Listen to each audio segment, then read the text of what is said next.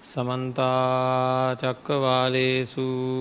අත්‍රාගච්චන්තු දේවතා සද්ධම්මං මනිරාජස්ස සුනන්තු සග්ග මොක්කදං දම්මස්සවන කාලු අයං භදන්තා දම්මස්සවන කාලු අයං භදන්තා දම්මස්සවන කාලු අයං භදන්තා। සාධූ සාධූ සාධූ නමුතස්ස භගවතු අරහතු සම්මා සම්බුද්ධස්ස නමුතස්ස භගවතු අරහතු සම්මා සම්බුද්ධස්ස නමුතස්ස භගවතු අරහතු සම්මා සම්බුද්ධස්ස සේයතාපී චුන්දයේකේජි අකුසලා දම්මා සබ්බේතේ අදුවභාගංගමනීයා ඒකේචි කුසලා දම්මා සබ්බේතේ උපරිභාගංගමනීයා. ඒව මේවකෝ චුන්ද විහිංස කස්ස පුරිස පුග්ගලස්ස අවිහිංසා හෝති උපරිභාගායතිී. සදා බුද්ධි සම්පන්න පින්නත්න සම්මා සම්බුදුරජාණන් වහන්සේ දේශනා කරපු ආකාරයට අපේ ජීවිත සකස් කර ගැනීම සඳහා ඒ වගේ අරමුණෙන් තමන්ගේ චිත්ත සන්තානය වර්ධනය කර ගැනීම උදෙසා ධර්මශ්‍රවනය කරන මේ හැම දෙනාම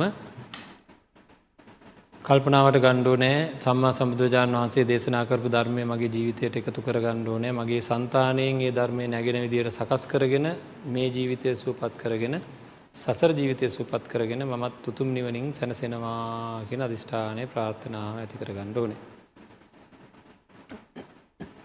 පින්නත්න සැඩ පහරකට අහුුණා වගේ සැරෙන් සැරේ සැරෙන් සැරේ මොන තරං උත්සාහ ගත්තත් වෙරලක් අයිනක ඉන්න කෙනෙක් ගඟක යුරක් අයිනක ඉන්න කෙනෙක් මහා සැඩ පහරක් විදිර ගලන ගංකට සැරෙන් සැරේ ඇදගෙන වැටෙනවා වගේ කොච්චර උත්සාහ කරත් නැවත අකුසල වේගේටම වැටිලා ඒ අකුසලයත් එක්කම පහලට ඇදිලා යන්න ස්වභාවයක් අපේ සන්තානවල තියෙනවා. අන්න අයගේ ක්‍රියාකාරකං හින්දා හරි තමන් කොච්චර උත්සාහ කරත් වෙන අයගේ වෙන කෙනෙකුට තරහගිල් අපිට බැන්නොත් අපිට තරහයනවා කියන්න අර සැඩ පහට ඇදල ගත්ත වගේ. වෙන කෙනෙක් ලොකුකං කතා කරන වෙලාව අපිට ලොකුකම ඉස්මත් වෙලාවනං ඒ කියන්නේ සැඩ පහට ඇදල ගත්ත වගේ. මේ වගේ මේ ගෙවන ජීවිතය මේ මනුස්ස ලැබිච්ච මනුස ජීවිතයේ අපිට හිමි වෙලා තියෙන රූප ඇහැට පේන රූප කනට ඇහෙන සද්ද නාසේර දැන ගන්ධ දිවට දැන රස ශරීරයට දැන පහස මනසට දැනෙන ආදරය ආදී ධර්ම අපිට හිමි වෙලා. නේද? එච්චරන අපිට හම්බෙලදී ඒ හම්බෙලා තියෙන එකේ බොහෝ දෙනෙක් ඇලීලා වෙලිලා ගැලවෙන්ඩ බැරුව අහුවෙලා තමන්ටවත් නිදහසක් ඇතිවෙන් නැතිවෙන්ට ඒ මත්තේම වැටිලා නැහිල වගේ ඉන්නේ. කෙටියෙන් කියනන නේද? ඒ මත්තේම නැහිලා ඉන්නේ. ඉතින් මේ ගෙවන ජීවිතය ඒකහින් දම ලැබිලා තියෙන සියලූම දේ වෙනස් වෙන ස්වභාවය තියෙන දේවල්. නැති වෙන ස්වභාවයේ තියෙන දේවල් එහෙම නැති කිසි දෙයක් මේ ලෝකෙ නෑ. ඉතිං එහෙම තත්ත්වක තියෙන දේවල් එක්ක මේ වැටීගෙන ඒ මත්තෙම නැහීගෙන ගෙවන ජීවිත හරියට දුක්කිතයි. අපේ ජීවිතවලට ලැබිල තියෙන්නේ මහ කාර්කස සැපයක්. ඒවහින්ද ලැබෙන සැපය ඒවහින්දම නැහෙනවා. බලන්ට අද මේ වෙනකොට අපේ චිත්තාභ්‍යන්තර ගතව කවුරුන් හෝ කෙනෙක් හින්ද හරි මොනොහරි සිද්ධියක්කින්ද හරි මොනොහරි දෙයක්කින්ද හරි දුකක් ඇති වෙනවනම්. ඒ හැම දෙයක්ම මෑත අතීතයක දැකලා අහලා සතුටුයි සුවයි කියලා වින්ද ඒවමද නැද්ද. අපේ මට මයි හම්බුනේ මන් නොහිතපු වෙලාවක් හම්බුණා නේද හිතුවට වැඩිය හොඳට හම්බුණා කියලා අපි අබි නන්දනය වැඩියෙන් වැඩියෙන් ඒ ගැන සතුටු වෙවී නැවත නැවත නැවත නැවත යමක් වින්දනම් මේ ලෝකයේ ඒ දේවල්මයි පාරාවලල්ලක් වගේ හැරිල ඇවිල්ලා මට රිදවන්නේ. ඔවුද නැද්ද. නේද. ඉතින් ඒකයි මේ ලෝකය හරි විසමයි මේක මේ ලෝකයේ හරි අසාධාරණ ක්‍රියාවලියක් තියෙනවා. සැප ලැබෙන දේම දුක් ඇති කරවනවා. නද ලැබෙන සැපයක් තියෙනවනම් සතුටුවෙන්ට දෙයක් මේ ලෝකයේ හම්බ කරගන්න තියෙනවනම් ඒවා හින්දම ලොකු දුක් ඇති වෙන්නේ ඒවා වෙනස් වෙන ස්වභාවයේ තියෙන හින්ද. වෙනස් වෙන ස්වභාවය මේ ලෝකයේ වෙනස් වෙන්නේ නෑ. නද වෙනස් වෙන ස්වභාවය නම් වෙනස් වෙන්නේ නෑ එනම් මට මම ඒ වුණට මගේ හිත හැම වෙලේම කියන්නමකක්ද. කාලයක්වත් පවති මට හම් වෙලා තියෙන දේවල්නා අනිත් අයට වගේ මට හම් වෙලා තියෙන දේවල්න වෙනස් වෙන එකක් නෑ වෙනස් වෙන එකක් නෑ වෙනස් වෙන එකක් නෑ කිය නිත්‍ය සංඥා අපිට තියෙනවා. හරි ඒක තියයි එක ස්තිර වසයෙන් තියයි කියලා.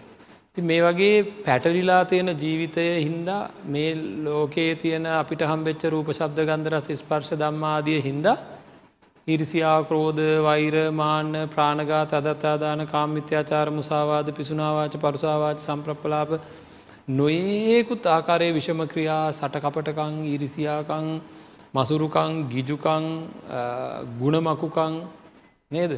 මේ වගේ මහා අසුචි ගොඩක ගාගෙන නද? නාගෙන ඉන්න වගේ තම ජීවත්තෙන්ට වෙලා තියෙන්නේ. එද ලෝකයේ ජීවත් වෙනකොට අන්න ඒ වගේ එද සටකපටකං ඉරිසියාකං වෛරීකං යටින් අරං යන වැඩ නේද? එකක උපක්‍රම සීලීව ඉතින් ඔක්කොමල ඒ ඒ දේවල් වල කරට කර කරට කර පිහිනමින් අසුචි ගොඩේ එරිලා අසුචි ගොඩේ නට නට නේද ඉන්නවාවාගේ ජීවිත තමයි පින්නත්න මේ ජීවිත අපි කෙලෙස්වලින් අයිගුණේ නැත්තා. ඉතින් ඒ ඒ ගොඩටම වැටෙන්ටත කල්පනාව කියලා කල්පනා කරන්න ඕන. නෑ මම ඊට වැඩිය උසස් භාවයට පත්වෙන්ඩ ඕන කෙනෙක් වෙන්ඩෝ නෑ. මම ලෝකයේ ඉපදිච්ච මිනිස්සු අතර නද බුදුරජාණන් වහන්සේ කෙනෙක් මට හම්බෙලා. ඒ කාලේ ඔය මම ඉස්සල්ලා කිව හැම්ම දෙයක්ම තිරිසන් සතු තුළත්ති නොද නැද. එද රූප කරේ තියෙන තන්නා සද්ධ කරේ තියෙන තන්නා ගන්ධ කරේ තියෙන තන්නා රස කරේ තියෙන තන්නා ආදරය ගැන උනත් තියනට තන්නාවත් තිනද නැද්ද සත්තුන්ගෙත් ආදරයට පොරයක් තියෙනවා. ඒ විතරක් නෙවෙයි දරු ආරක්ෂා කරන ස්වභාවති නොද නැද්ද. ඉන්ඩ තැන කදාගන්න ස්වභාවති නොද නැද්ද. නේද. ඒකට්ටියත් කණ්ඩ හොයන ස්වභාවය හම්බ කරන ස්වභාවය තියනවද නැද්ද. හංගන ගතිය තියෙනවද නැද්ද. නේද එයාලත් හංගනවා. නේද එයාලටත් වියෝදුක් තියෙනවද නැද්ද. එයාලටත් වියෝදුක් තියෙනවා.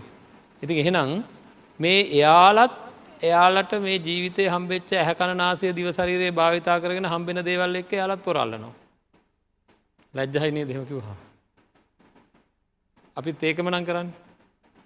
වඩුකුරුල්ලත් ලස්සන ගයක් හදනවා. ඒක නම් ජීවිතේ. ගෙදර නං ජීවිතේ. වාහනය නං ජීවිතේ. දුරකතනය නං ජීවිතේ. කොතෙන්ටද වැටුනේ මාව. ළමය නං ජීවිතේ. නෑ එන මං මේ ලංසු තියලා තියෙන්නේ. ඇයි කොච්චර දවසක් ළමයා මෑලඟ දීද කියලා කියන්න පුළුවන්ද. කොච්චර දර දවසක් දරුවගේ ආදරය මගලක් වෙනස් වෙන්න ඇතිවට තියද කියන්න පුළුවන්. නද මගේ ජීවිත කාලෙදීම මට ලොකු දුක්කිත ස්වභාවකට පත්වෙන්ට තින ඉඩකඩත් තියෙනවද නැද්ද. එහෙනම් ලන්සු තියලා හරියන්නෑ ජීවිතයට. මේ ජීවිතයේ වෙන කෙනෙක් මත රඳා පවතින්නේ නැති විදිහට තමන්ගේ හිතේ ඇතිවන්නා වූ සතුට වෙන කෙනෙක් මත රඳා පවතින්නේ නැති විදිහට. සසරම දුක්කිත තත්ත්වයකට පත්වෙන අකුසලයෙන්ගෙන් අතමිදීමේ වැඩ පිළිවෙලා ක්‍රමයක්. සැඩ පහරට වැටෙන් නැතුව ඉන්න ක්‍රමයක් බුදුරජාණන් වහන්සේ දේශනා කරලා තියෙනවා. එන්න ඒ දේශනා කරලා තියෙන ක්‍රමවේදවලින් එක පරියායක් තමයි සල්ලේක පරියාය කියලා කියන්න. හරිද අපි මේ දින ටිකේම දවස් එකොළහක් තිස්සේ සාකච්ඡා කරා දහයක් කාරණ හතලි සතරක් කතා කරා ඒ අපේ හිත්වලින් උපදින අපේ හිත්වලින් උපදින අපිට කොරන්න දෙන්න එකට හරි හේතු ඇති නිසා උපදින අකුසලයන්. හරි හිංසාකාරී අදහස්.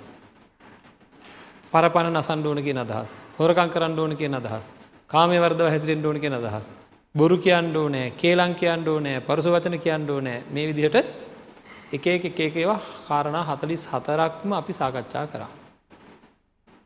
එතකොට ඊය දවස අපි කතා කරා ඒ කාරණා හතලිස් හතරට ප්‍රතිවිරුද්ධ කුසල හැඟීම් උත්පාදනය කරගණ්ඩ ඕනෑය කියලා ක්‍රමයක් අපේ හිතෙම උපදින්ඩ ඕනෑ. මංකව පත්තෑයා ගෙට එනකොට හිංසාකාරී අදහස් අපිට ඇති වෙනවා. හැබැයි ඒවා වෙනුවට පත්තෑයා ගෙට එනකොට අවිහිංසා සහගත හැඟීමක් උපදින විදිහට හදා ගණ්ඩෝන යා මොකවත් දන්න ඇති කෙනෙක්.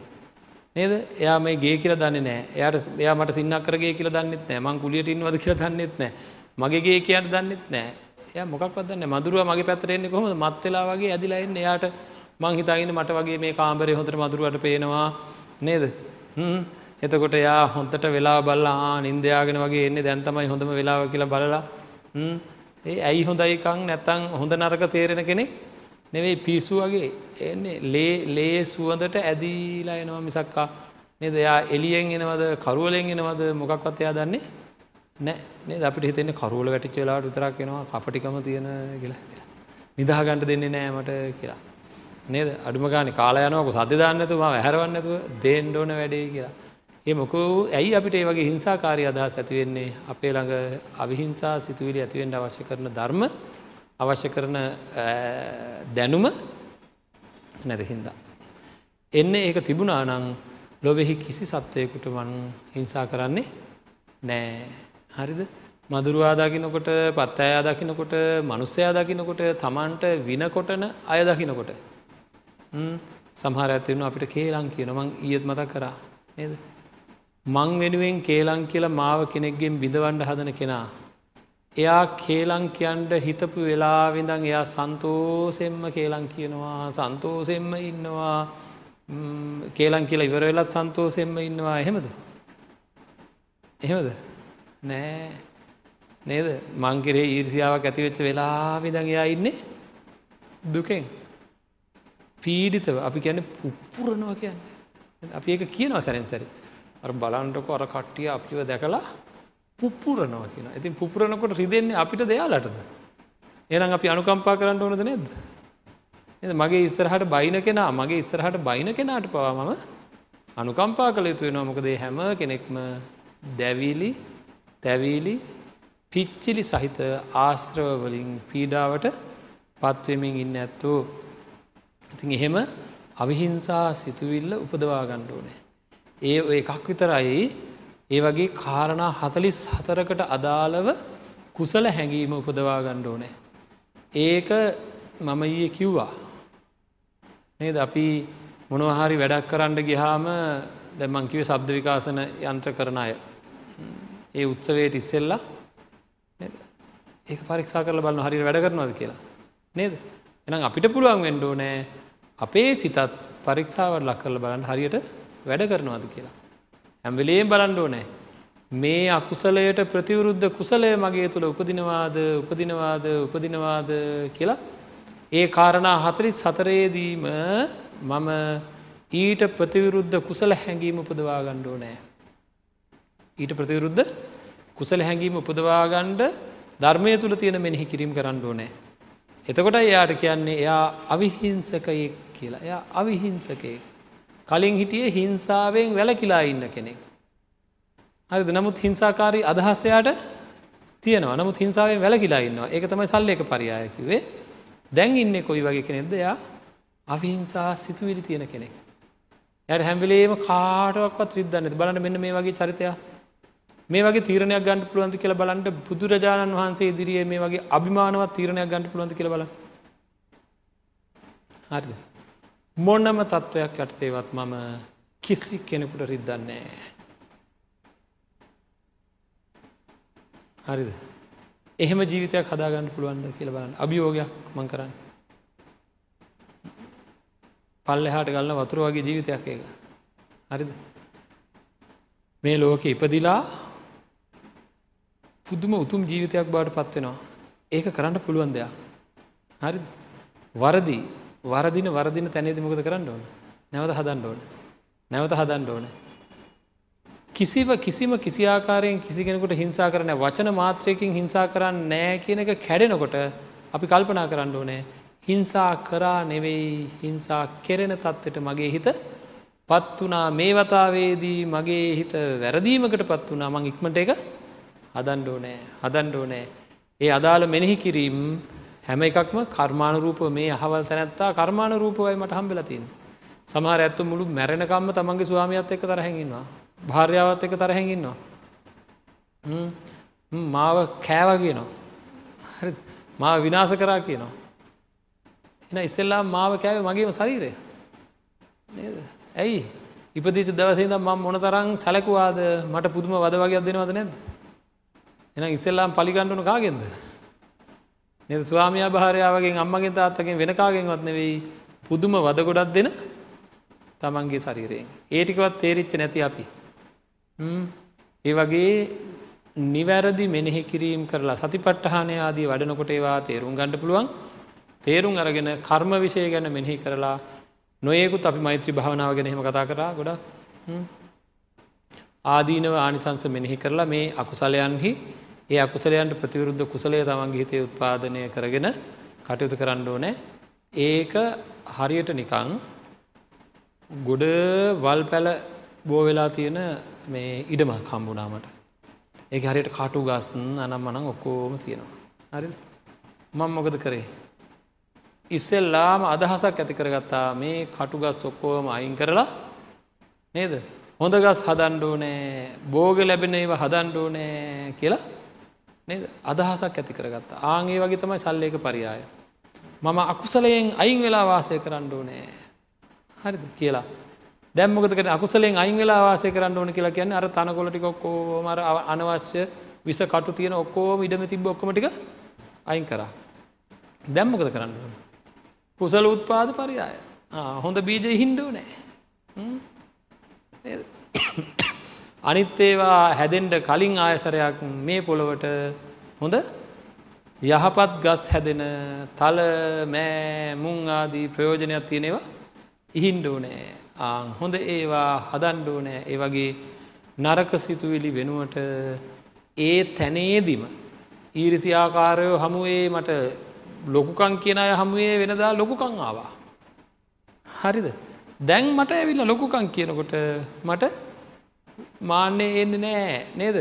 මං එතෙන්දි සිහියෙන්ම එයාගේ යහපත සඳහා කටයුතු කරන්න පුළුවන් කෙනෙක් බවට පත් වනා අනතිමානී ගුණේ මගේ තුළ වැඩුණා.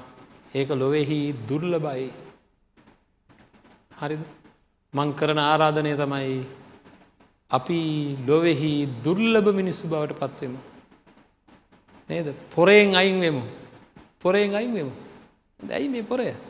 ඔක්කොම පොරල්ලනවා. අපි ඒ පොරයෙන් අයින් වෙලා බුදුරජාණන් වහන්සේ දේශනා කරපු දුර්ලභ චරිත බවට පත්වෙන්ඩ තමන්ගේ සිත ඔය විදිහට කුසල හැඟීමෙන් පෝෂණය කරගණ්ඩ නේකට කියනවා කුසල උත්පාද පරියාය කියලා. දැන්ගේ හිත වෙනස් වෙලා වෙනදාවාගේ අකුසල් ඉපදෙන තැන කුසල්ම උපදින තත්ත්වකට පත් කරගෙන. ඉතින් හතලිස් හතර තැනම ඒ වගේ හදාගත්තද කියලා පිරික්ස පිරික්ස පිරික්ස පිරික්ස පිරික්ස පිරික්ස හදන්ඩෝනෑ. හරිද ඊළඟට පින්නත්න බුදුරජාන් වන්සේ දේශනා කරන්නේ පරික්කමන පරියාය කියලා. හරිද මේක හරි අපූරු කාරණාවක් මෙතැදි දේශනා කරනවා යම් මට යන්ඩ මහා විෂම පාරක් විෂම මාර්ගයක් තියෙන්නේ. හරිද ඒ වගේම විෂම පාරවක් තියෙනවා වගේම ලෝකයේ යම් කිසි ගමනක් යනවනම් පින්නත්න ඒ විෂම පාර ගිරිදුර්ග සහිත බොහෝ ව්‍යසන සහිත පාර අතහැරල දාලා වෙනත් ක්‍රමයක් තියෙනවා වෙනත් ක්‍රමයක් තියෙනවන යන්ඩ වෙනත් මාර්ගයක් තියෙනවන යන්ඩ. විෂම තොටකින් බොහෝ කිඹුල්ලු ඉන්න බොහෝ ව්‍යසනකාරී තොටකින්නම් තොටුපලකින්නමට යන්ඩ තියෙන්නේ ඒ වෙනකොට ඒ වෙනුවට සම තොටුපොලක් තියෙනවා වගේ. ඒ වගේම වෙනත් විසම නැති තොටුපොලක් තියෙනවා වගේ. මේ අකුසලය හැරදාලා ඒ අකුසලයෙන් දුරුවීම සඳහා මේ අවිහිංසාවම හේතු වෙන හිංසාවෙන් දුරුවීම සඳහා අවිහිංසාවම හේතු වෙනවා. ඒකෙන් දුරුවෙන්ඩ ඒක නැති කරගණ්ඩ හරිද? ඒකැන අපි ඔය විදිහට අවිහිංසාකාරී අදහස වෙනුවට අවිහිංසාවම භාවිතා කරොත් දිගින්දිකට දිගින්දිකට නිකන් නෙවෙයි. ඒක වර්ධනය කරන්න ඕනෑ. දැම්මම් මෙහෙමහනවා දැන් අප සර්පයාගේ උදාහරණය ගමකෝ. හරිද? ගේ ඇතුළට පත් ඇය එනවා. එනකොට ඔන්න දැන් ඉස්සෙල්ල වගේ නෙවෙයි. පරණ පරණ අදහසත් වෙනවා විසගෝර සර්පයා දැක නෑර මෝඩයා කියලා. ඒකත් හැඟීමක් විදිහට එනවා. හරිද? තව අනි පැත්තෙන් අර මේකගේ බඩ පැරුණහම් මොකද වෙන්නේ? කූඹි කනකොට මොකද වෙන්නේ? නේද? මේකගේ ඉස්ම විසිරෙනකොට මොකද වෙන්නේ? මේ සතාට මොන තරම් රිදෙනවාද කියලා අදහසකුත් එනවා. දැන් දෙකම එනවා. අර කෙනෙකොට හිංසාකාරී අදහසක් මේ කෙනෙකොට අවිහිංසා අදහසක්. දැන් බලන්න අකුසලයක් තියෙනවා. අකුසලය වෙනුවට උපදින කුසලයකුත් තියෙනවා.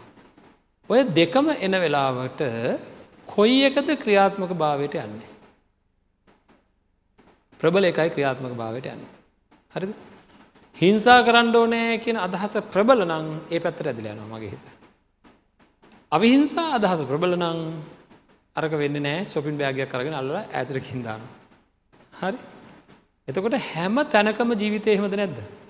දැන් අපිට මේක තිබුණා කුසීතකම සහ ආරද්ධ විරිය කියලා. හරිද කුසීතකම යම් කිසි කෙනෙකුට ප්‍රබල නං මං ඔකට කියන්න ඇර එලාම් එක වදිනවා ඇඳේ නේද? ඇඳේ ඉන්නකොට එලාම එක වදිනවා. නැගිට ගණඩ බැරුව ඉන්නවා. හැබැ ඇදේ සර්පය ඉන්නවා කියලා දවුණු නැගිට ගණඩ බැරුව ඉන්න කෙන එහෙම පයිනවා පයිනවනවේ පැනෙනවා. කොහෙද ඒ ක්‍රියාත්මකුණේ හිතයි ක්‍රියාත්මකුණේ නේද? එන නැගිට ගණඩ බෑ කියලා ඉඳලා තියෙන්නේ පනින්ට පුළුවන් කෙනෙක්. අපිත් කියන කෙෙස්වලින් අයිෙන්ට බෑ අයිෙන්ට බෑ අයිෙන්ට බෑ කියලම පයින්ට පුළුවන් අය අපි. නේද? එනම් අර කුසීතකමෙන් දුරු කුසීතකම දුරු කරන්න මේකම පාවිච්චි කරන්න කියලා බුදුරජාණන් වහන්සේ දේශනා කරන්න. මොකක්ද ආරද්ධ විරිය කියන තමන්ගෙම හිත චිත්තාභ්‍යන්තරය නැගෙන අදහස. ඒ තමන්ගෙම හිතේ නැගෙන හැඟීම ප්‍රබල කර කළ ප්‍රබල කර කර ප්‍රබල කර කර හැම වෙලේම අරකට ඉඩ දෙන්න නැතු අකුසලට ඉඩ දෙන්න නැතුව යට කර කර ප්‍රබල කර කර කටයුතු කරන්න ඕනේ. ඉතින් හැම්වෙලේම් බලන්ඩ ඕනෑ මේකෙන් අයින්ෙන්ඩ ඒක තමයි තොටුපල දැන් අපිට තියෙන විෂම තොටුපොල මොකක්ද අපේ මේ ජීවිතය ගෙවනට උදේනම් හැඳෑ වෙනකං ඇද බේරෙන්ඩ පෑම බේරිලා ඇයි මේක පොරේනේ? නද? පොරෙන් බේරෙන්ට මට බයින්ඩ වෙනවද නැත කට්ටියට? එහෙනම් මට මට ගොඩ යන්ඩ තියෙන්නේ මේ හිත. ඔක්කෝම ප්‍රශ්න තියෙන හිතත් එක්ක. කෙනෙක්ගේ නුරුස්සන වැඩක් දැකලා මාව රත් වෙලා. හරිද මේ රත්වීමෙන් මං ඉන්නකොට මේකෙන් මන් දැන් තොටුපල කියන අයින් වෙන තැනනේ පිටත් මේ රත්වීම නැති කරගණ්ඩ. රත්වීමෙන් නික්මෙන්ඩ ඕන මට. හරිද මාව රත්වවී දැවි දැවන්න දැ උදේ දම් ඉන්නවා ඉන්ට පෑ දැන් මොක දර නුරුස්සන වැඩේ දැකලා මට කේලංකි වගේ ආරංචි වෙලා හැන්දෑ මෙතන යනව හැබැයියා. හරිද දැන් මගේ රත්වෙච්ච ගතිය මගේ දැවෙන ගති දැම්මන් අකුසලයෙන් පිරිලා ඉන්නේ. නේද? හිංසාකාරී අදහස් එහෙම ඇවිල්ලා ඉන්නේ. මේ හිංසාකාරී අදහස තෘප්තිමත් කරගන්න. නැත්තම් හිංසාකාරී අදහස ඇවිල්ලා දැන් දැවි දැවි ඉන්න එකෙන් ගොඩ යන්න. මට තියෙන තොටුපොළ මොකක්ද තොටුපොල තමයි මං කියන අම්මටත් කියනවා. එනකන් තමයි මම බලාගෙනන්නේ ආ මට ගොඩ යන්න තියෙන එකම තැන එතනයි. නේද? එනකන් තමයි හම්බෙනකන් තමයි බලාගින්නේ මට මේ ටික කියනකං අපි කතා කරන ටිකම ගමක ප්‍රායෝගික මට මේ ටික කියනකං ඉවසිල්ලක් නිවිල්ලක් නෑ කියනවා. එනම් ඇතුළේ ආපු ප්‍රශ්නයෙන් ගොඩයන්ඩ මට තියෙන එකම ක්‍රමේ මොකක්ද අර මනුසර බයින එක. ඇඳෑ. හම්බුණ ගමන් හොන්තට දෙනවා පාර දීලා හරිස හොඳට බැනලා ඔක්කම කරලාගේ ඇතුළට ඇවිල කිනවා දැන් හරි. ඔය දැන් මට සනීපයි. අන්න බලන්ඩ මට දැඩී ආදරයක් ඇතිවෙන කෙනෙක් දකිින් ඕන කියලා දැඩි ලෝබයක් ඇතිවෙන දැන් අප හතරි සතර තියෙන එක හරිද හතරි සතන එකක් තම දැඩි ලෝබය එක අකුසලයක්. මට මේකෙන් ගොඩ අන්ඩ ඕන දැන්. මන්ද වලක වැටුණ වගේ. නේද? මන්ද මේකෙන් අයිගෙන්ට තොටු පොලක් මට ඕනේ. තියෙන එකම තොටු පොළමකක්ද පුළුවන් තරම් ඉක්මට දකින එක කතා කරන එක එතකොට මගේ හිත සැනසෙනවා. අපි හැම වෙලේ මහදන්න හිත සනසවා ගන්න. නේද. දරුණු විදිහට පෑරෙනකොට දැවෙනකොට පිච්චෙනකොට අපහසුකං ඇති වෙනකොට හිත සනස ගන්නතු ඉන්න කොහොමද. සමහර අයට හම්බෙච්ච තොටුපල මොකක්ද. වේගෙන් එන කෝච්චිය. සමහරයට සාරිපොට සමහරයට කඹේ සමහරයට පෙති නේද ඒ විෂම තොටුපොලේ හැටි. එද එයා ගැලවුණේ ඒ ක්‍රමයට. එයා හිතන ගැලවුණා කියලා. වැටුනේ ඊට වැඩිය පල්ල හතැනකට නේද? සමහරයට තියෙන තොටුපල මොකක්ද මේ ඇතිවෙච්ච ප්‍රශ්නයෙන් ගැලවෙන්ට තියෙන තොටුපල මොකක්ද තමන්ගේ භාර්යාව තමන්ගේ දරුව මරලදාන එක. අන්න අය මරලදානක තමයි එයට එයට හම්බෙච්ච යට ගැලවෙන්ඩ බැරුව අපි තේරුම් ගණ්ඩ ඕන. මේ කෙලෙස් කැරකෙන කැරකිල්ල කොයි තරන්නම් ප්‍රබලද දරුණුද ඒද එයාලට ගැලවෙන්ඩ විදිහක් නෑ එද සමහරය කේලං කියනවා. සමහරය කේලං කියල ගැලවෙනවා. සමහරය සිපවලදගෙන ගැලවෙනවා. නේද? සමහර අය වේගෙන් දුවනවා. ඒ පැත්තට දුවනවා. සමහර අය නේද? ගැලවෙන්ඩ විදිහක් නැතුව කන් දෙකේ නේද? අර යන්තර දෙකක් ගහගෙන එක දිගට අහ ඇති මොන කොරට අහන්න ඇතු ඉන්න බෑ. එකම සද අහන්නත් යාට ඉන්න බැකිද බස්ස යනකොට අහන්ඩුවන පාරයනකොට අහන්ඩුවන ඇවිදිනකොටත් අහන්ඩුවන ගැලවෙන්ඩ විදිහන්න නැතු සමහර අය ෆෝන් එක දිහා බලාගෙන පැයද ගණන් පැය දෙකේ තුනේ හතරේ පහේ ඉන්නවා. කාලෙ ගිහිල ඇස් දනවා. නේ ඇස් රතු වෙලා පහුවෙන් දවදේ නැගිට ගන්නත් බෑ. ඇයි? වෙන යායට ගැලවෙන්ට ක්‍රමයන්නේ හරිද? මේ තොටුපොලෙන් යන්ඩ කියල රණ්ඩුවල්ලන්ඩ වෙනවා. මේ තොට මේ වගේ තොටුපලක් අපිට තියෙන එක හරි කාර්කසයි. යම් විසම තොටුපලක් වේද සම්මා සමුදුරජාණන් වහන්සේ දේශනා කරනවා. නේද යම් විසම තොටුපලක් තියෙනවාද ඊට සම වෙනත් තොටුපලක් තියෙනවා ඒකෙන් දුරුවීමක් තියෙනවා. කාමචන්දයෙන් දුරුවීමක් තියෙනවා. ව්‍යාපාදයෙන් දුරුවීමක් තියෙනවා. තීනමිද්දයෙන් දුරුවීමක් තියෙනවා. ඇතුලාන්ත හැඟීමෙන් අයින් වෙලා වාසය කරන්න පුළුවන්. කැමතිදේ නොලැබීම දුකයි කැමතිදේ නොලැබීම දුකයි. එන්න ඒ කැමැත්ත ඇතිවුණහම ඒකෙන් ගැලවෙන්ඩ තියෙන එකම ක්‍රමවේදය මොකක්ද? කැමතිදේ ලංකර ගැනීම කියලා අපි හිතන්න. අපි අපිට දැක් අපි දැක්ක එකම එගොඩ වෙන තැන එතන. නේද? නමුත් සම්මා සම්බුදුරජාණන් වහන්සේ අපිට දේශනා කරේ මොකක්ද? කැමැත් අයින් කරන්න. හිතේ තියෙන කැමැත් අයින් කරන්න. කැමැත්ත අයින්කරොත් කැමැතිදේ නොලැබීම කෙනෙක සිද්ධ වෙනවද. නෑ. නේද? එහෙනම් තවත් තොටුපලක් තියෙනවා. තවත් තොටුපොලක් තියෙනවා. විසම වූ තොටුපල වෙනුවට තවත් තොටුපොලක් තියෙනවා. ඒ මාර්ගය වෙනුවට වෙනත් මාර්ගයක් තියෙනවා. එනම් අවිහි හිංසාව කියන දේෙන් දුරුවීම සඳහා අවිහිංසාව කියන තොටුපොල තියෙනවා. ප්‍රාණගාතයෙන් දුරුවීම සඳහා ප්‍රාණගාත පටිවිරතෝ කෙන්පු තොටුපොල තියෙනවා. අදත්තාදානයෙන් දුරුවීම සඳහා අදින්නාදානම් පටිවිරතෝ කියෙන තොට ප්‍රතියනවා. හරිද? මිත්‍යා දෘෂ්ටියෙන් දුරුවීම සඳහා සම්මාධිට්්‍යය කියෙන තොටපල තියෙනවා. මේ විදිහට අපි කතා කරපු කාරණා හතලිස් හතරෙන්ම දුරුවීම සඳහා වෙනත් මාර්ගයක් තියෙනවා.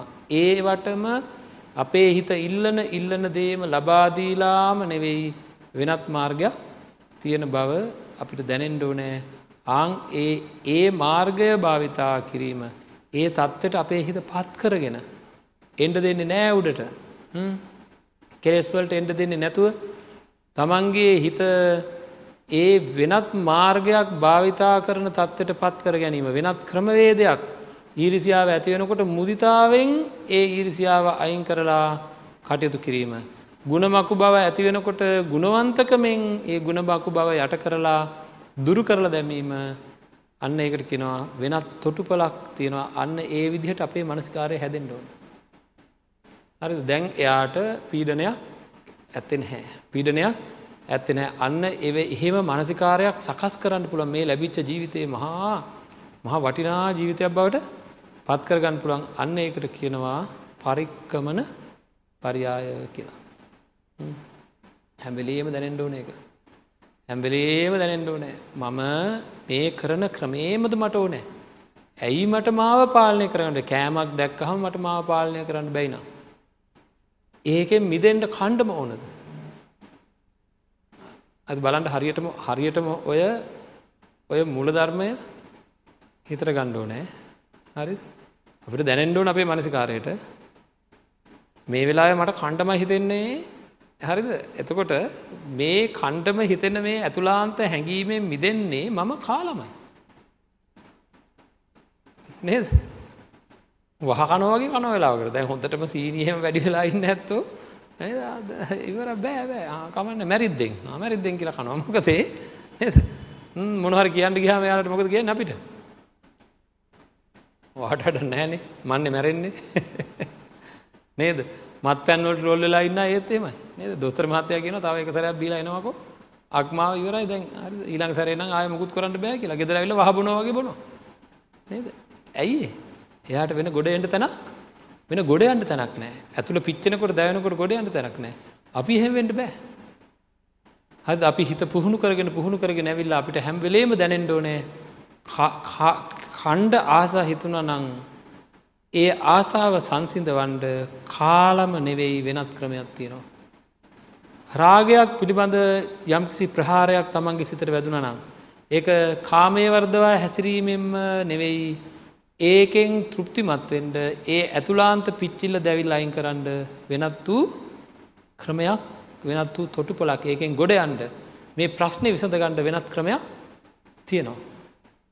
හරිද මේ හතලිස් හතරේ දීම අපි මෙන්න මේ පරික්කමන පරියාය භාවිතා කරන්න ඕන. හැම වෙලේම අපිට දැනෙන්ඩ ඕනෑ මේකෙන් ගැලවෙන්ඩ වෙනත් ක්‍රමයක් තියෙනවා ඉති ඒ ක්‍රමය හොයන්ඩ ඕනේ ඒ ක්‍රමේ ධර්මය ඉතාම පැහැදිලිව තියෙනවා. වර්ධනය කරගන්න කොහොමද කියලා තියෙනවා. සතිපට්ඨානය වඩන්ඩ ඕනෑ. ඉන්ද්‍රිය සංවරය කරගණ්ඩ ඕනෑ.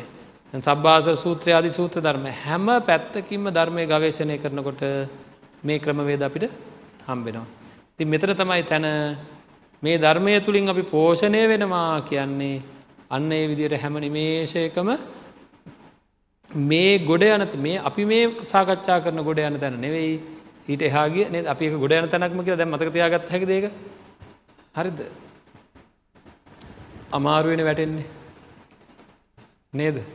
අමාරුවේ වැටෙන් අපේ මේ ජීවිතය ගෙනට අමාරුව වැටෙන්නේ අපි. ඇයි? රූප පෙන්න්නට සද්දස්සන්ට ගන්ධ රස ස්පර්ශ ධම්ම ලබා දෙෙන්ට කියලා ඉවරක් නැතුව. දැන් ආදරයේ ආදරය ඕනෑ කියලා අපේ හිත කියනවා. ඉතින් මොකද කරන්න? දැන් ඉතින් නෑ. ඊට වැඩිය හොඳයි පාර බැහල හිඟා කනක ඊට වැඩිය හිඟා කෑමක් හිඟා කන නේද? මේක තියෙන විසම ස්වභාවය බලන්ඩ කාලෙකදී කෙනෙක්ගේ සිතක් තුළ ආදරයක් ඉපදුනාට හේතු සහගතව ඒවා දැ දෙන්නෙක්ගේ හිත්වල ආදරයක් උපදවාගෙන දැන් ගියසුම් ගහගෙන ඉන්නවා කියලා හිතන්නක. හරි. අපි එකාට එක මැරණකමනය නිවන් දකිනකම්ම ආදරෙන් ඉන්නවා කියලා. එහෙම ඉන්නකම්ම නිවන් දකිට හම්බෙන් ඇති එක වෙනම කතන්දරයක් නේද හරිද ඒක වෙනම දෙයක් මේ නමුත් එහෙම අදහසකින් ඒ තීරණය ගන්නේ පින්වත්න්නේ හරියට මෙන්න මේ වගේ මේ වගේ. හෙට උදේ මට දැන් මට බඩගිනි නෑ. දැන් බඩගිනි නැතිහිද මං කියෙනවා හෙට උදේ කෑම පා කියලා. හරිද දැම් බඩගිනි නැතිහිද මං කියනවා හරිද? උදේරු යන්ට ඕන්නෑ ඇ බඩගින නෑ. උදේ වෙනකොට තමයි වැඩේ? තේරෙන්න. නුවන තියෙන එහෙමද. නෑ නුවන තියෙන එහෙමනේ දන්නවා දැන් බඩගිනි නැති වුණාට උදේ වෙනකොට බඩගිනි හැදෙනවා. නේද? උදේ වෙනකොට බඩගිනි හැදෙනවා. අන්නේ වගේ දැන් මේ ආදරය තිබුණාට මේ ආදරය හෙට වෙනකොට තව මොහොතකින් නැතිවෙන්ට තියෙන අවස්ථාව ඕන තරම් තියෙනවා නේද? නැතිවෙන් තියෙන අවස්ථා තියෙනවා. අන්න ඒක දැනගත් ඇත්තෝ මේ මත්තෙම නැහෙන්නේ නැහෙන්නේ නෑ. සිහියෙන් වාසය කරනවා. හරිද? සිහියෙන් වාසය කරනවා. එන්නේ සිහියෙන් වාසය කිරීම.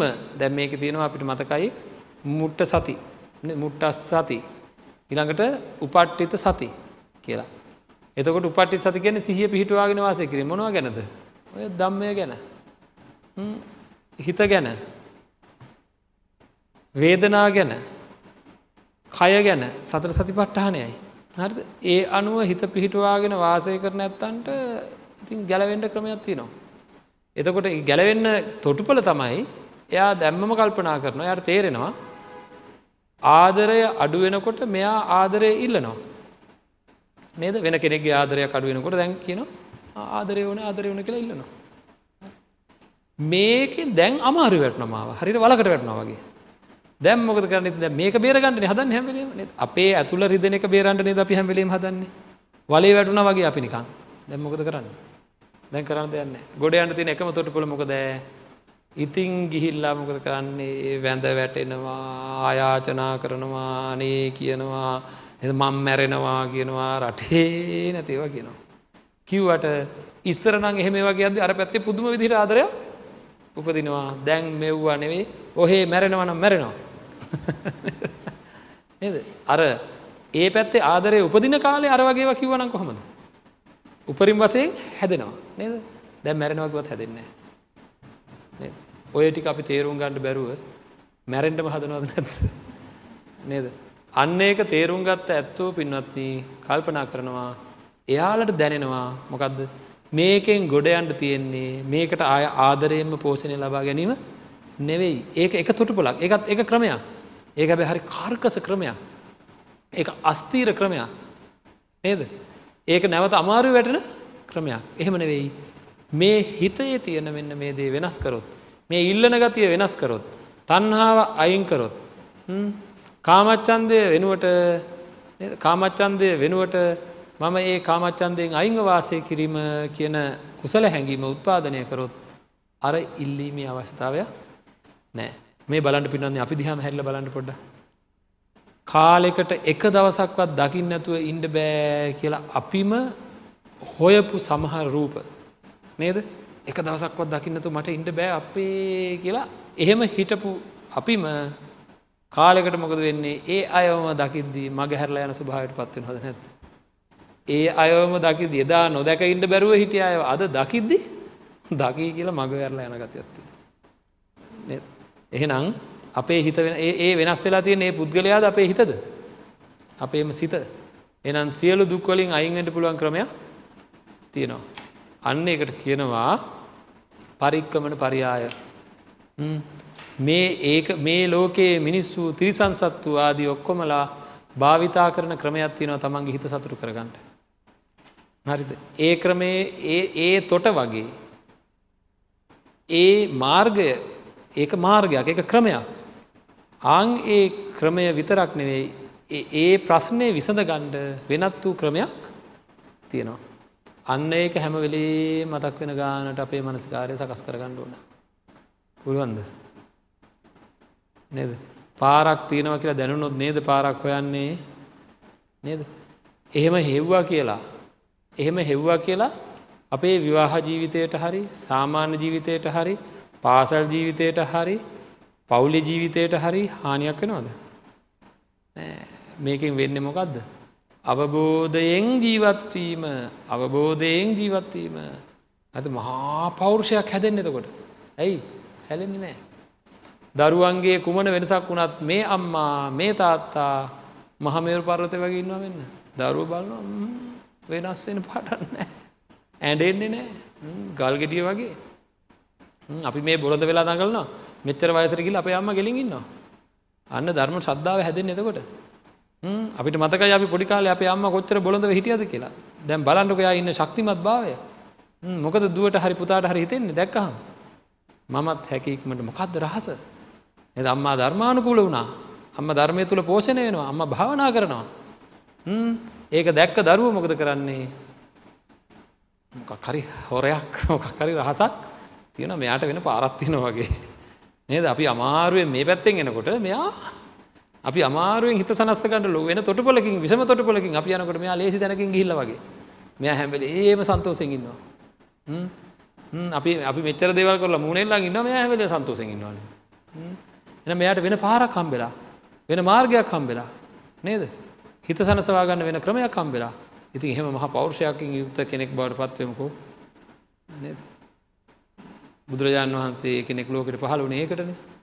වෙනමකටවත් නෙයි ඉතින් දැඩි අදහස් ඇති කරගන්න අපි මෙවැනි තත්වකට පත්වයෙන් ඩෝනෑය මං මේ විදියට හැමදාම ජීවත්වල හරියන්නේ නෑ කියලා.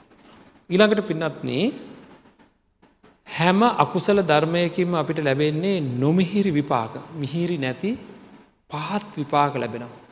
ඒවා භාවිතා කිරීමෙන් පැහැදිලිවම අපි අන්තිමට මිනි වලවල් ළඟ මිනි පෙට්ටි ළඟ මළමිනී ළඟ කැඩිච්ච ගෙවල් ළඟ පොඩි වෙච්ච වාහන ළඟ නේද එක එක තැන්තැන්වල විලාපතිය තියන්නවා. වෙනස් වෙච්ච මිනිස්සු ළඟ නේද විලාපතිය තියන්නවා. ජීවිතේම විලාපයක් වෙලා. කවහර කෙනෙ හිතවත් කෙනෙ හම්බුණකම වැඩිපුර කතා කරන්නම දිතා හිතවත් කෙනෙ පෞද්ගලික හම්බෙනවා කෙනෙකුට. විශේෂටියක් වයස ගිය කෙනෙකුට. තරුණ අයටනම කිය හරි. සාමාන්‍ය හතලිස් පහක් පණහක් විතර වුණාට පස්සේ පණහ වගේ පැන්නට පස්සේ හතරිස් පහක් විතර පැන්නට පස්සේ හිතවත්මය හම්බුණහගම මොනවද කියවන්නේ. සතිපට්ටහනය. ඉර්දිපාද නේද? ඒවද? නෑ මොනවද කියවන්නේ. අඳුනාව දැන් මෙහෙමයි දැම් මෙහෙමයි දරුව මෙහෙමයි අරවා මෙහෙමයි මෙව්වා මෙහෙමයි අර පැත්ත මෙහෙම වුණා මේ පැත්ත මෙහෙම වුණා. මොකදෑ මේ ලෝක අසාධාරණයකට ලක් වෙලා වගේ. හරිද? අන්න එහෙම අඳෝනාවක් කියෝනුව පින්නන්නේ හැම්බලීම ඒ මොකද? එයාට හම්බෙච්ච දේහින්ද යාව පහත් අත්තට පත් වෙලා. හරි එයාට වෙනදට සලකපු අය සලකන්නේ නැති වෙලා. එයාට වෙනදට අයිතිය තිබ්බේවා? අයිතිය නැති වෙලා. එයා උසස්තත්වයකට පත් වෙලා නෑ. ඒකද මේ යන ක්‍රමයට ගියොත් ඕක තමයි කාටත් වෙන්නේ. අපි කියන අන්තිමට අවලංගු කාසි බවට පත්වෙනවා කියන්න. නේද? අවලංගු කාසි බවට පත ධනය බලය තියෙන කාලේ හොඳට නටනට හිටිය. සමහර ඇත්තන්ට බලය එහෙම ලැබුණ හම ඒ කාලේ හොඳට හිටිය. හැබැයි හැවෑරියාවාගේ අන්තිමට නිකා නේද? ඒකෙන් අයින් වෙච්චක මමකදුනේ කවුරුවක්වත් හැප්පුනත් ගණන් ගන්න. ඉතින් එවැනි තත්ත්වකට පත්වෙච්ච ඇත්තන්ට එවැනි පත් අත්වකට පත් නොවී යහපත් තත්වකට පත්වෙන්නට උසස් තත්වයකට පත්වෙන්ට ඒ ජීවිතයේ උසස්තත්වයකට පත්වෙන්ඩ ඒකට කියනවා උපරිභාව පරියාය කියලා. හරිද උසස් බව පිණිස. අරයා පහත් බවටයි වැටුනේ. කෙලෙස් එක්ක විතරක් හරිහම්ප කරපු අය අන්තිමට පහත් භාවට වැටනවා. බලන්ට ලෝකයේ රටේ සමහර නේද? ඉතාම ගෞරවයෙන් බයට සලකපු නායකයින්ට නායිකාවන්ට අන්තිම කාලෙ නේද? මොකද පාරදි හම්බුනත් නේද? ඉළඟට බොහෝම බොහෝම උත්සවස්ත්‍රීයෙන් හැමෝම හරියට සලකපු කලාකාරයෝ සමහරලාට අන්තිම කාලේ මම ගැන ඒ මේ ලෝක ධර්මතාවයක් කියන්නේ අන්තිම කාලේ පාරට වැටලා ඉන්නවා. කවුරුවත් හැල්ලවත් බන්න එයාගේ සිින්දුටි ගහන කාලේ හොඳයි. දැම් බෑනේ. බැරිවෙනකට පල්ලෙහා. එක එයා පහත් භාවයට පත්වෙනවා. එතට යාල මානසික වැඩන හරියට දෙස් දෙවල් තියෙනවා. හරි දේශයෙන් කටතු කරන අපි අපිට පුළුවන් කාල අපට මෙහමයි සැලක දැන් අපි කවරුවක්වත් ගණන් ගන්න නෑ කියලා දෙස් දෙවල් තියෙනවා. නේද. ඇයිඒ තමන්ගේ මනස පහත් වෙනවා අන් අයගේ සැලකිදිහෙම අඩුවෙනකොට.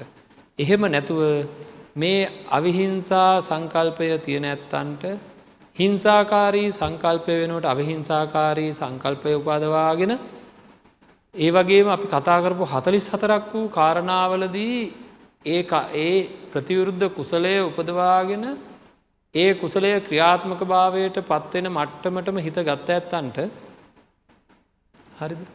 දිහානු මට්ටම් නොඒකුත් ආකාරයේ මානසික ඉතාම ඉහළ තත්ත්වයකට පත්වෙන බොහෝ දේවල් අභිජ්ඥාවන් ලෝකයේ ඇලී ගැලී වාසය කරන්නේ නැතුව ලෝකයෙන් ඉස්සිලා වාසය කරන්න. උතුම් තත්ත්වයකට පත්වෙලා වාසය කරන්න. උසස් තත්ත්වයකට පත්වෙලා වාසය කරන්න අවශ්‍ය කරන තත්ත්වයකට තමන්ගේ හිත පත් කරගන්න පුළුව. ඒක උත්තරී මනුස්ස ධර්මයන් ඇති කරගන්න පුළුවන් තත්වකට මේ හිත ඔය ක්‍රමෙන්ම පත් කරගන්න පුළුවන් බව බුදුරජාණන් වහන්සේ දේශනා කරනවා. හරිද ප්‍රථම අධ්‍යාන දුති අධ්‍යාන තුති අධ්‍යාන. ඇයි? සිහියම වාසය කරනවා නම්. කාමච්චන්දයට එට දෙන්නතු වාසය කරනවා නම්. ව්‍යාපාද තියන විදුද්දචක කුචොල්ට දෙන්නතු වාසය කරනවා නම්. නේද? එතකොට ඒ වගේ තමන්ට තමන්ගේ ජීවිතය ඉහළ උසස් තත්ත්වකට මේ ජීවිතය මේ බලන්ඩ පින්වත්න්නේ අපි මේ ගෙවන ජීවිතය අහවර වුණහම අපිත් එක ඉන්න කට්ටිය අපිට මොකොද කොරන්නේ? නේද? ඈත කොහරි කවරුත් නැති පිටිසර තැනකට කියලා මේ ශරීරය වල්ල දානවා. අඩුම ගානේ කෙස් පොදක් නේද? කෙස් කෑල්ලක් කපාගෙන තියාගෙන අනේ අපේ අම්මගේ කොණ්ඩේ තියාගන්න ඕන පොඩ්ඩක් මට මතක් වෙන්න කියලා. නෑ නෑ.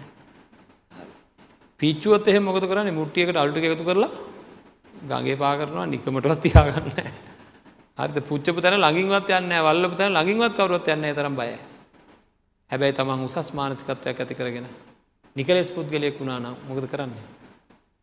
අර ශරීරයේ තිබ්බේ වරගෙන යන්න පොරාල්ලනවා. අරංගිල වන්දනා කරනවා. නේද? ඉතිං ඉපදිච්ච මනුස්ස ජීවිතය අපි ඉහළ මානසිකත්වයකට නොඇලී ඉන්න ගැඹුරු ඉතා ගැඹුරු මානසිකත්වයකට ලෝකයේ නොඇලී ඉන්න ලෝකයත් එක්ක හැම ගණු දෙනුවක්ම කරත් සුවදායකව තමන්ගේ සන්තානය පවත්වාගෙන උසස් සිතුවිටි වලින් ඉතා උසස් බවට පත්වෙන ක්‍රමයක් බුදුරජාණන් වන්සේ දේශනා කරන්නේ ඔය විදිහට හතරිස් සතර ආකාරයකින් තමන්ගේ කුසල හැඟීම වර්ධනය කර ගැනීමයි. ඒකට කෙන උපරි භාව පරියාය අන් අයට වැඩි ඉතා ඉහළ උත්තරී මනුස්ස ධර්මයන් ඇතිකරගන්න තත්ත්වට පත් කර ගැනීම. ඉතිං ඔය විදිහට අපේ ජීවිතය සකස් කරගණ්ඩ අපි හැමලීම උත්සාහදරන්න ඕන විශේෂයෙන් අද දවස අපි අරමුණ කරේ අන්‍ය තොටු පොලක් තියෙනවා කියන එකයි. මතක තියාගන්න ඕනේ ගොඩ යන්ඩ වෙන තැනක් තියෙනවා කියන එක. නේද පරික්කමන පරියාය අපි ගොඩගිය අපි ගොඩ යන ක්‍රමේ එද වලට වැටෙනවා කියලා කියන්නේ මේ දැවිලි තැවිලි සහිතව එක එක වල්ලනවා කියන එකට අය උදාහරණයක් වලට වැටනවා කියලා. වලෙන් ගොඩවෙන්ඩ අපිත් භාවිතා කරන ක්‍රමය නෙවේ වෙනත් ක්‍රමයකුත් තියෙන බව බුදුරජාන් වන්සේ සල්ලෙක් සුත්‍රය දේශනා කරා. ඉතින් ඒක හින්දා ඒ බව දැන ගනිමින් කටයුතු කරන්න ඕන. අපි ඉතාම නිවැරදි මිනිසුන් බවට පත්වෙන්ඩ හැම්බලේම උත්සාහ කරන්න ඕන. නිරපරාධ දුක්විඳින් එපා. එච්චරයි නේද? නිරපරාධ දුක්විඳින් එපා. තේරුමක් නෑ ඉතින් එවැනි දුක්වලින් අයින්ෙන්ට අවශ්‍ය කරන ශක්තිය ධෛරය ලැබේවා කියල ප්‍රාර්ථනා කරනවා. නිවසේ දන් ධර්මස්ත්‍රවණය කරපු අය ඒ ධර්මය ශ්‍රවණය කරය පින්වත් නිමේ මැදිරියට ඇවිල්ලා මේ දායකත්වය ලබා දුන්න අයගේ දායකත්වය හේතුවෙන් තමයි අපි බණ කිව්වෙත් මේ ඇත්ව බණ ඇහුවෙත්.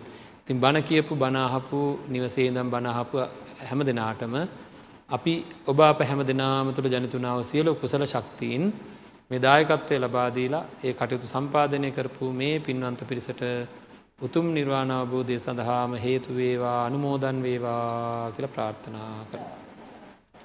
ආකාසට්ටාච බුම්මට්ටා දේවානාගා මහිද්දිකා පුඤ්ඥන්තන් අනුමෝදිත්වා චිරංරක්කං තුසාසනං චිරංරක්කං තු දේශනං චිරංරක්කං තුමං පරංතිී